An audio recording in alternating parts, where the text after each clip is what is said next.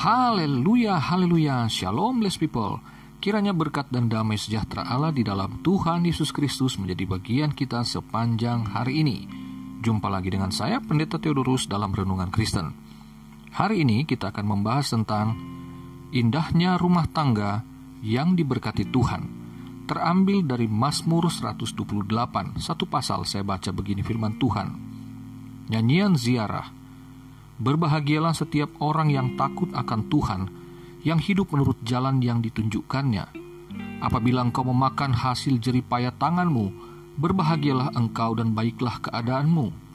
Istrimu akan menjadi seperti pohon anggur yang subur di dalam rumahmu, anak-anakmu seperti tunas pohon zaitun sekeliling mejamu. Sesungguhnya, demikianlah akan diberkati orang laki-laki yang takut akan Tuhan – Kiranya Tuhan memberkati engkau dari Sion, supaya engkau melihat kebahagiaan Yerusalem seumur hidupmu dan melihat anak-anak dari anak-anakmu, damai sejahtera atas Israel. Blessed people, Mazmur ini menekankan pada kehidupan rumah tangga atau keluarga yang takut akan Tuhan, karena itulah dasar berkat dalam rumah tangga Israel. Nyanyian ziarah adalah bagian dari umat Tuhan yang akan pergi ke bait Allah. Ziarah berarti merefleksikan kembali. Dalam konteksnya, Mazmur ini tentu menunjukkan kerinduan setiap rumah tangga untuk mendapatkan berkat Tuhan ketika mereka pergi beribadah ke Yerusalem. Mazmur ini mengatakan bahwa rumah tangga yang diberkati Tuhan pasti berbahagia berkat kebahagiaan ditulis tiga kali. Kata berbahagia dari teks Ibraninya adalah Ezer, yang artinya diberkati secara fisik maupun rohani. Bagaimana kita dapat menikmati berkat kebahagiaan? Yang pertama, ketika kita takut akan Tuhan di ayat 1. Menjadi orang yang takut akan Tuhan dijelaskan pada kalimat berikutnya, yang hidup menurut jalan yang ditunjukkannya. Ini sama dengan pengertian Mazmur 112 ayat 1 yaitu orang yang takut akan Tuhan sangat suka kepada segala perintahnya. Berkat yang kedua, ketika kita memakan hasil jerih payah tangan kita, ayat 2, seorang pekerja yang takut akan Tuhan tahu membedakan mana yang menjadi haknya dan mana yang bukan haknya.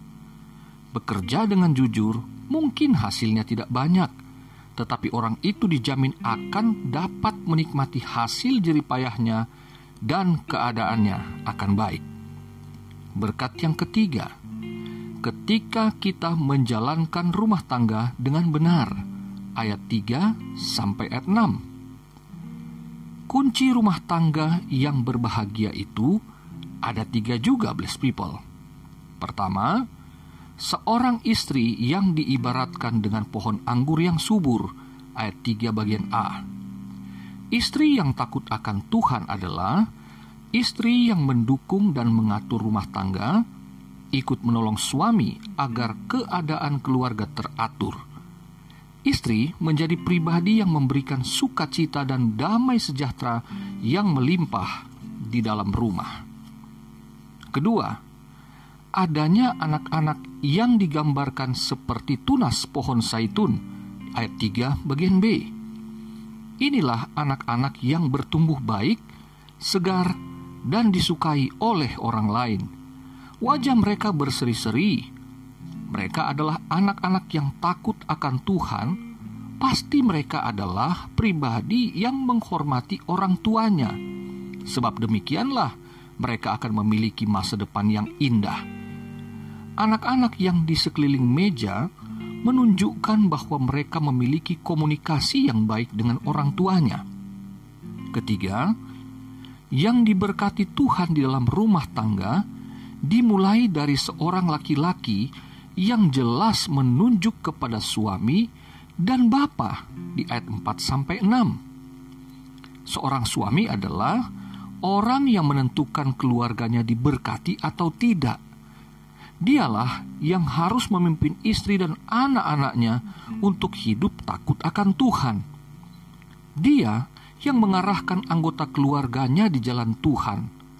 Dia yang bertanggung jawab penuh atas rumah tangganya. Dialah kepala keluarga yang harus menjadi teladan dalam iman, sikap, dan perbuatannya sehari-hari. Anak-anak dituliskan di antara kedua orang tuanya. Itu berarti seorang anak dapat bertumbuh dan berhasil karena mendapatkan kasih sayang dan didikan yang benar dari bapa dan ibu yang takut akan Tuhan itu. Setelah dewasa, mereka menjadi kuat dan kokoh di dalam menghadapi kehidupan yang penuh tantangan. Berkat Tuhanlah yang memungkinkan kita beroleh umur panjang untuk melihat cucu seperti ketika kita melihat anak-anak kita sebelumnya. Dan semuanya itu akan dinikmati dalam kebahagiaan atas kehadiran Tuhan di tengah-tengah rumah tangga kita. Selamat beraktivitas. Tuhan Yesus mengasihimu. Dia mengasihi keluargamu dan dia memberkatimu dalam segala tugas dan tanggung jawabmu. Tuhan Yesus memberkati saudara. Haleluya, bless people.